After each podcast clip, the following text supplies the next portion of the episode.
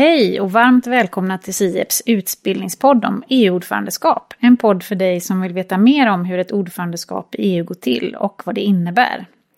Jag heter Karin Flordal och är utbildningsansvarig på SIEPS, det vill säga Svenska institutet för Europapolitiska studier, en av Sveriges myndigheter. Utöver att ta fram forskningsbaserade analyser av aktuell EU-politik för beslutsfattare på olika nivåer i Sverige så har vi också ett uppdrag att ta fram relevanta EU-utbildningar. Som ett led i det här arbetet så har vi dragit igång en utbildningspodd med anledning av att Sverige ska vara ordförande i EU våren 2023. Vi har nu släppt ett antal avsnitt och har bland annat pratat om vad ett EU-ordförandeskap innebär, vad som är skillnaden mellan det här ordförandeskapet och de tidigare två, vilka möjligheter ett ordförandeskap har att påverka EUs agenda och vad det innebär när man säger att ett ordförandeskap är Brysselbaserat. Vi har också träffat två myndigheter, nämligen Kemikalieinspektionen och Boverket, för att höra hur de deltar i det svenska EU-arbetet och hur de förbereder sig inför våren. Och idag så är rubriken Trilog, är det samma sak som triosamarbete? Och det kan man ju kanske ana att det inte är när jag ställer den retoriska frågan i rubriken, för triosamarbete har vi ju dessutom redan haft upp som ett eget tema i ett avsnitt. Men jag har hört att det förekommer att de blandades ihop, de här två. Och därför så ska vi fördjupa oss i det idag.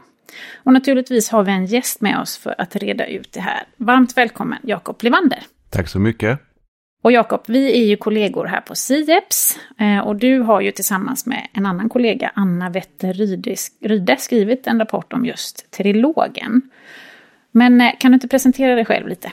Ja, förutom att jag heter Jakob Levander och jobbar med Karin här på SIEPS så är jag utredare i statsvetenskap och jag arbetar väl främst med frågor som berör EUs utrikes och säkerhetspolitik.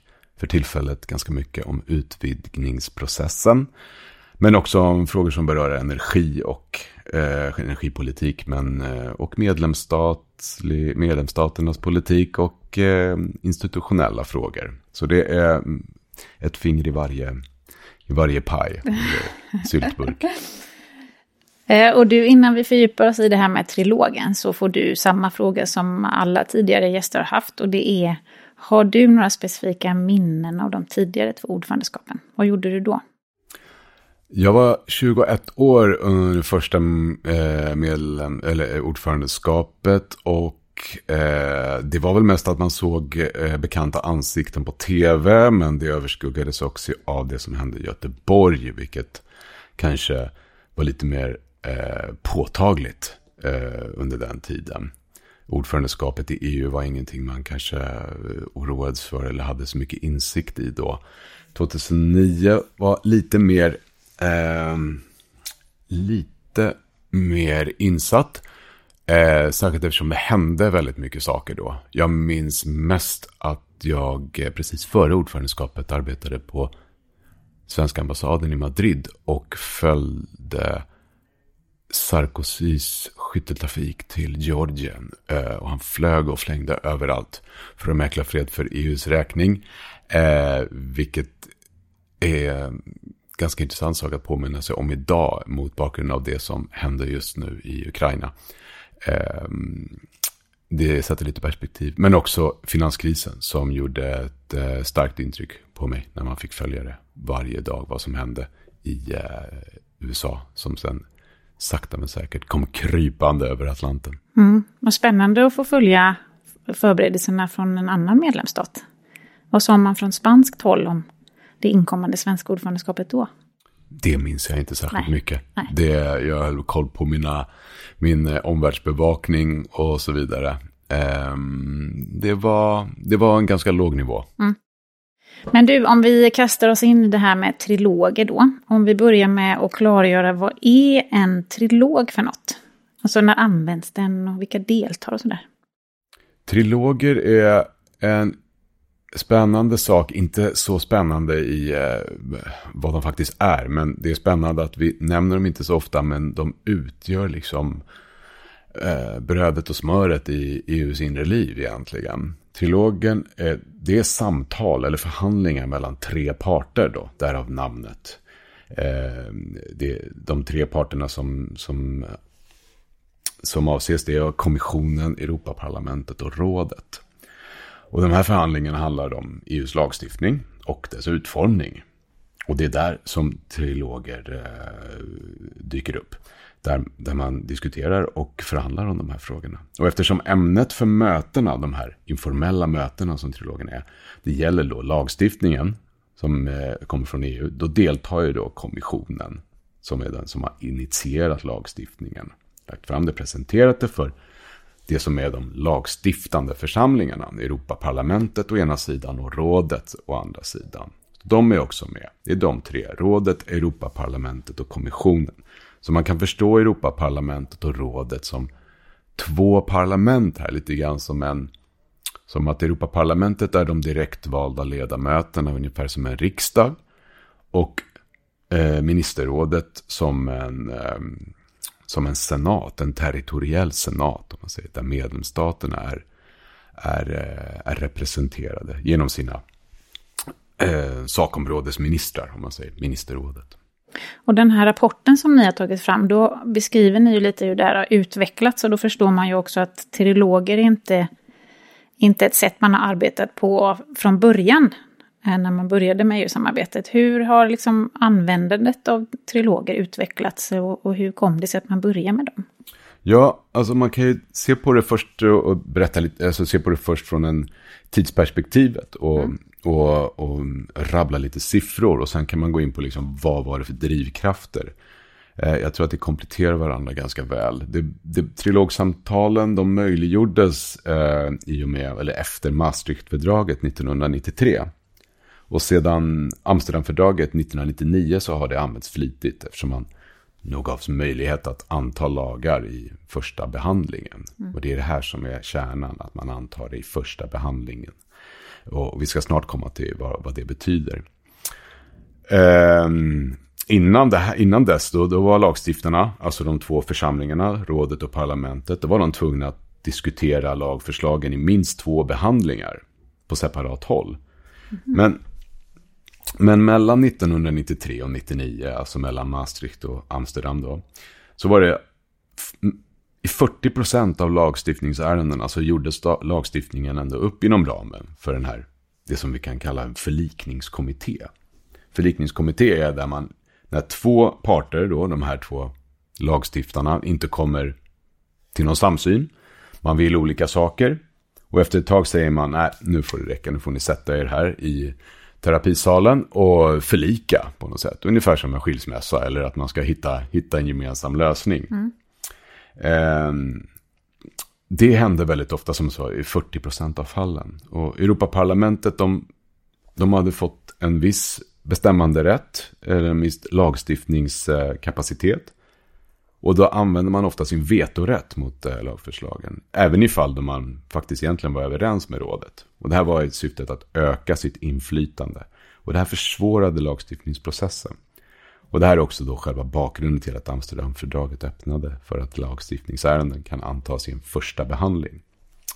Och det gick ju rätt trögt för man, man tyckte att det var lite för mycket veto från EPs sida, så Europaparlamentet och förlikningskommittén fick ta mycket lagstiftning. Det gjorde att kommissionen tappade kontrollen över utvecklingen av lag, lag den lag som man själv hade initierat. Mm. Mm. Eh, så det här fanns alltså incitament för att hålla informella samtal inför de slutgiltiga förhandlingarna. Mm. Så att man kom någonstans på vägen innan. Så att det fanns incitament för alla att vara med på det här. För rådet tyckte inte att det här var en bra utveckling eftersom det, var, det gick så långt och det tog lång tid och så vidare. Um, så det här är, det här är utveckling, utvecklingskurvan för användandet av, av informella samtal som mm. då är triloger. Så det har liksom gjort hela processen med att ta fram ny lagstiftning, det har liksom blivit smidigare. Ja, smidigare är, är, är ordet.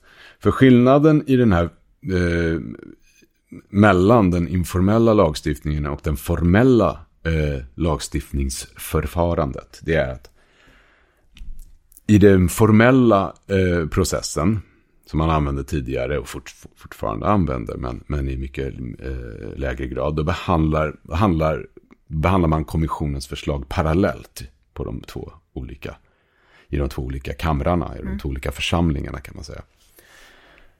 Rådet sitter på sitt håll och parlamentet sitter i sin kammare och diskuterar eh, innehållet i lagen och så lägger man till, stryker man grejer och lägger till saker som man vill ha. och sen presenteras lagstiftningspaketet tillbaka. Tills, fram och tillbaka skickas det tills man är överens. Och efter ett tag, ibland så är det så att man stöter på patrull, man skickar tillbaka till varandra, man bara, nej det här gillar inte vi och det här gillar inte ni och så vidare. Men med trilogsamtal då ges man möjlighet att på ett tidigt stadium städa undan mycket av det som man är överens om redan. Det som överlappar. Okej, okay, ja men då är det så, så, som en pyramid så kommer man fram till dem. Hittar man de röda linjerna, okej, okay, men vi har ett mandat att förhandla och det har ni också. Och sen så har man, eh, sitter man där utan egentlig insyn också. Och eh, i all informalitet, mm. vilket gör det lätt att, att komma framåt. Så Europaparlamentet och rådet, de har, de har redan hittat sina förhandlingsmandat innan man går in i trilogerna. Mm. Det har man skaffat sig. Just det, och då sitter de, alla de här tre parterna träffas, så att då hör ju alla vad alla säger också. Vilket kan vara, gör det här hela smidigare, gissar jag. Men du, om man eh, ska ge en bild då till lyssnarna av hur man tänker, så jag tänker ju mig så att det blir lite som en köksbordsdiskussion, att man är ja, tre parter, men man kanske är dubbelt så många personer. Men hur, hur, hur kan det är det mycket folk som träffas när man har så här triloger eller hur kan det se ut? Alltså för enkelhetens skull kan man ju säga att det är tre personer som symboliserar eller förkroppsligar tre viktiga institutioner. Eh, och sen så har man ett, eh, en, ett stort paket av följare bredvid sig som har olika funktioner. Och sen så kan man ju välja hur mycket hur viktigt det är att veta vilka de här andra personerna är och vad de har för roll och så vidare. Men det, det, det viktiga är att förstå att det är tre institutioner som möts. För I Europaparlamentets fall så finns det ganska många och det finns en, liksom en, en viss relevans i att förstå vilka som är där faktiskt också.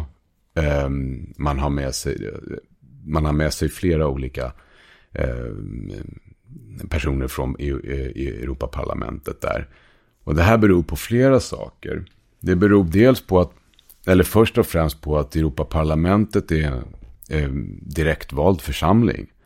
Som, eh, där alla vill ha inflytande. Och det, det, det måste finnas legitimitet bakom, bakom, eh, bakom förhandlingarna. Och de här förhandlingsmandaten, och det är det här som är det viktiga. Hur tar man fram de här mandaten? Alltså när man skickar iväg de här eh, representanterna till, till trilogsamtalen och säga okej, nu får ni förhandla för vår räkning. Eh, för att det här ska för att det här ska verka legitimt och det ska finnas kredibilitet i det här trovärdighet, då, då får dels rapportören vara med. Och ordföranden i det här utskottet som det handlar om. Låt oss säga att det handlar om, om en energifråga. Mm. Kommer de som leder det utskottet med, men också rapportören, skuggrapportören och så vidare. Eh, så att...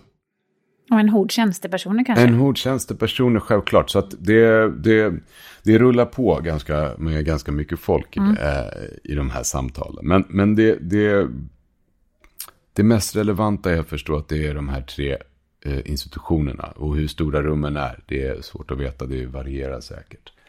Men i Europaparlamentet så får man ett mandat i de här kommittéerna.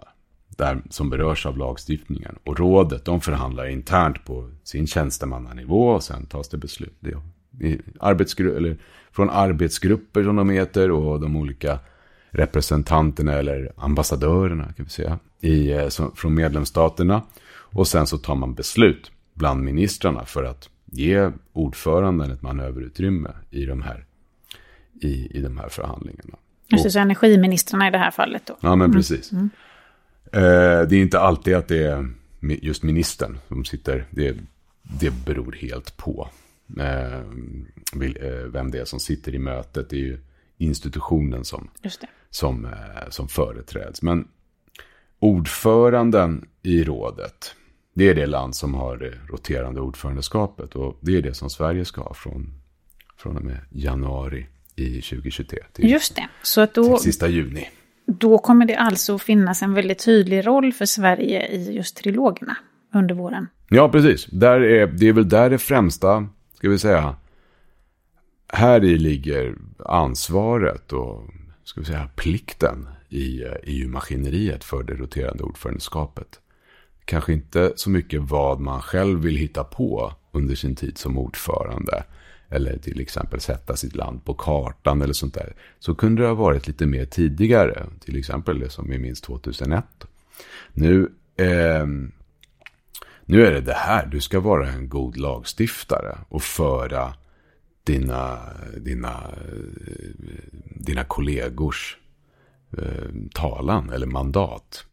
Just det, för då blir bara Sverige och de svenska representanterna som är med från rådets sida i trilogen. Ja, och generalsekretariatet också är med. Men mm. det, är, det, det, det är Sverige som, eh, som, eh, som medlemsland som under sitt roterande ordförandeskap får, får förhandla under de här, i, i de här mötena.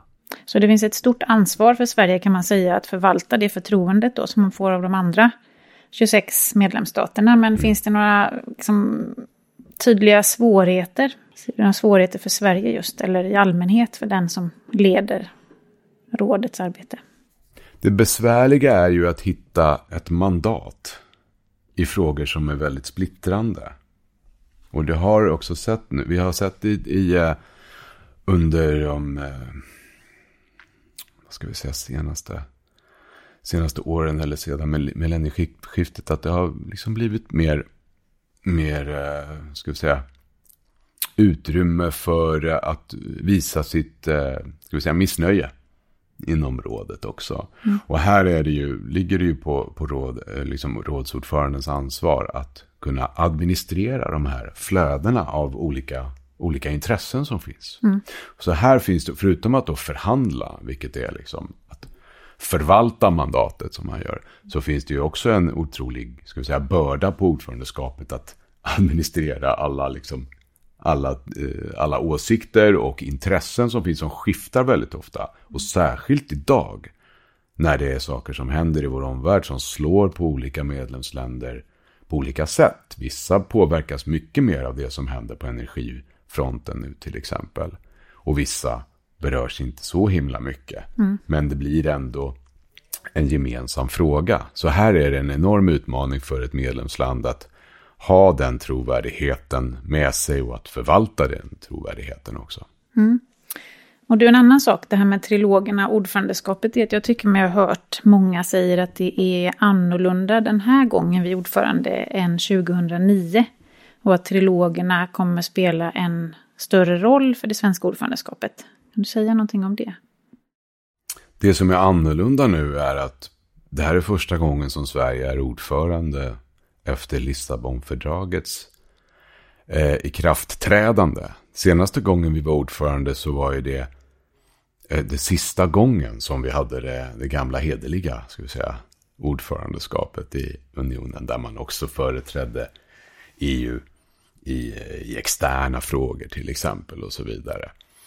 Eh, och nu har ju vi en, en, ett permanent ordförandeskap i, eh, bland, bland premiärstatsministrarna och regeringscheferna som vi vet.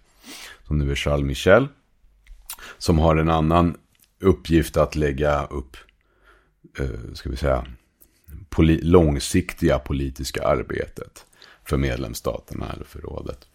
Eh, så nu har man en mycket mer praktisk teknisk funktion. Mm.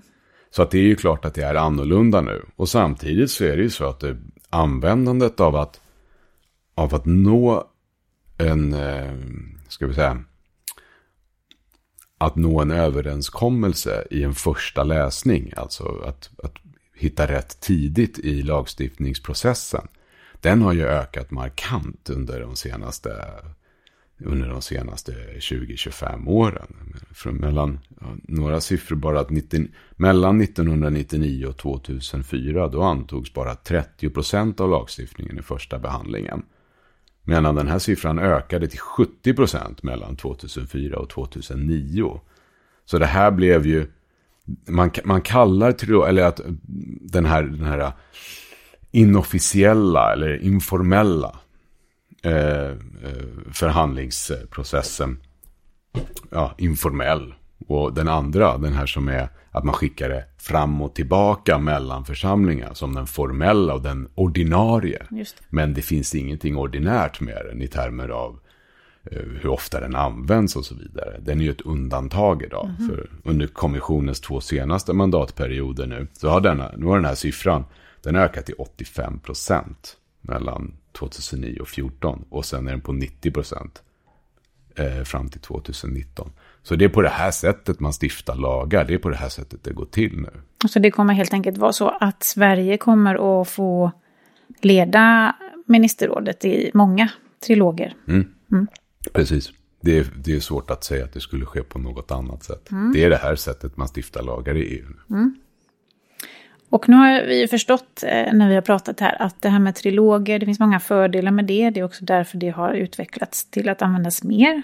Eh, och de här procentsatserna har ökat genom åren. Men finns det några nackdelar som ni ser det? Ja, vi har försökt titta på vad, vad eh, forskningen pekar på för nackdelar. Och det är klart att det, när det gäller ansvarsutkrävande så finns det en del frågor att ställa om det här förfarandet. I och med att det som, man, det som händer i praktiken är att man, man, man tar eh, en, en sakfråga från den stora församlingen, låt oss säga i riksdagen, och sen så kapar man den processen lite grann, där man står och debatterar högt om den och tar replik och det är protokoll. Sverige är ju väldigt protokoll och papperstungt parlament om man säger. Eh, men eh, frågan luftas kanske inte på det sättet eh, i, i samma utsträckning. Eh, så man komprimerar de här två lagstiftande enheterna och sätter dem i ett litet rum där de får liksom boxa fram ett, eh, ett beslut.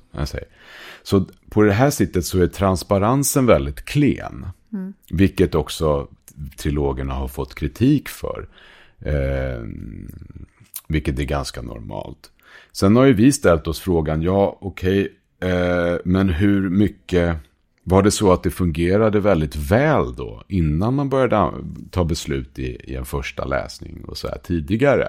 Var det så att det blev ett väldigt, eh, eh, ska vi säga att den offentliga opinionen var, var med på alla håll när lagstiftningen var i beredning och så vidare. Jag tror inte det, att det är så vi kan se på hur eh, opinionen förhåller sig till, eh, till EU-lagstiftning. Vare sig vi använder, oberoende av om vi använder triloger eller inte. Så att vår egentliga slutsats är väl om vi ska tala om ansvarsutkrävande och transparens så är det att det finns något som är, man, kan tala om eh, legitimitet bakom ett, ett demokratiskt system. Då behöver du input-legitimitet. det vill säga att det finns ett, alltså att medborgarnas åsikter och så vidare representeras och, och definieras och mobiliseras på ett sätt som att de förs in i det politiska systemet, i institutionerna på ett, på ett effektivt och, och, och korrekt sätt. Och sen så kommer det ut lagstiftning som också är som också speglar det kanske också. Den här åsiktsaggregeringen och mobiliseringen och att det kommer ut bra policy. Det finns output-legitimitet som tas ut. Och det här, sen har man talat om också att det som händer inuti det politiska systemet som är någon sorts throughput. Liksom. Det som är när, när alla de här um, olika strömningarna och åsiktsyttringarna liksom får policyform inuti systemet innan det kastas ut som, som faktisk, eh, som, som faktisk eh, politik. Och det är väl det vi talar om lite grann här. Och det kanske är, om vi, det, om vi ska tala om ansvarsutkrävande så kanske den krävs lite mer av den varan på medlemsstatsnivå är en av våra egentliga slutsatser. Att vi talar mer, mer om den politik och om den, den, eh, den riktning som vi är intresserade av att ha från eh, medlemsstatligt håll. Innan alltså vi aggregerar, mobiliserar eh, åsikter, tankar och intressen för att liksom skjutsa in det i systemet. Så att det kanske är här man ska börja i någon mån. För det är frågan är om man, om man får tillgång till alla de här, allt det som sägs inom ramen för trilogerna i de här rummen. Hur mycket det påverkar faktiskt mm. utfallet. Hur mycket stärker det demokratin? Ja, i formell mening ganska mycket för att det är väldigt viktigt. Men då kanske, ja, de här samtalen och det här som man värdes, det här som värdesätts inuti trilogerna av de som deltar. Det vill säga att här har vi ett skyddat rum, här kan vi prata fritt. Och det är en fördel för, för oss och för lagstiftningen och för effektiviteten. Den går man ju miste om. Om det, skulle, om det här skulle bli liksom, eh, offentliga räkenskaper, om man mm, säger. Mm. Så att det, det är klart, det, det, det, man kan se det som ett nollsummespel också. Men frågan är, är det det här som är spelet eller inte? Mm. Och här lämnar jag eh, i alla fall, eh, ska vi säga, eh, starkare hjärnor att, att, eh, att, eh, att bestämma över det. Jag är inte riktigt säker på att det är just där. Jag tror att det finns eh, behov av, av att stärka legitimiteten på ett annat håll. Mm. Det kanske blir ämnet för en annan rapport. Det ja, finns säkert precis. massor med rapporter. Ja, kanske det. Det vore något. Men du, eh, om man vill läsa den här rapporten, vad heter den då? Den här rapporten heter Vad är priset för snabba beslut? EUs informella lagstiftningsprocess. Just det. Och den finns på vår hemsida att ladda ner. Precis, och där finns också en, eh, en ensidig sammanfattning om det är så att man vill läsa en liten kortare version. Men annars finns det mycket mer matnyttigt att hitta i hela rapporten. Den är mångsidig och på en sida. Precis, man kan få både och. Och det finns ju också ett eh, väldigt intressant seminarium, ett webbinarium kanske vi ska säga. Mm, det gör det. Och då är representanter från alla de här tre med. Exakt. Uh, det är, um, vi har deltagare från eh, Europaparlamentet och från, eh, från kommissionen och från en tjänsteman från, eh, från rådet. Så eh, alla har sitt att säga och sin egen institution att försvara. Men eh, det blev ett väldigt bra samtal och eh, om man vill fördjupa sig och förstå EUs eh, e inre och kanske hemliga liv lite bättre så är det bara ett par klick iväg. För så svårt är det inte, även om ordet är någonting som inte ger oss så mycket i sig. Triloger alltså. Varmt tack Jakob för att du var med oss här idag och tack också till alla er som har lyssnat. Glöm inte att du kan lyssna på den här utbildningspodden på samtliga plattformar där du hittar alla andra, alla, alla andra poddar. På återhörande.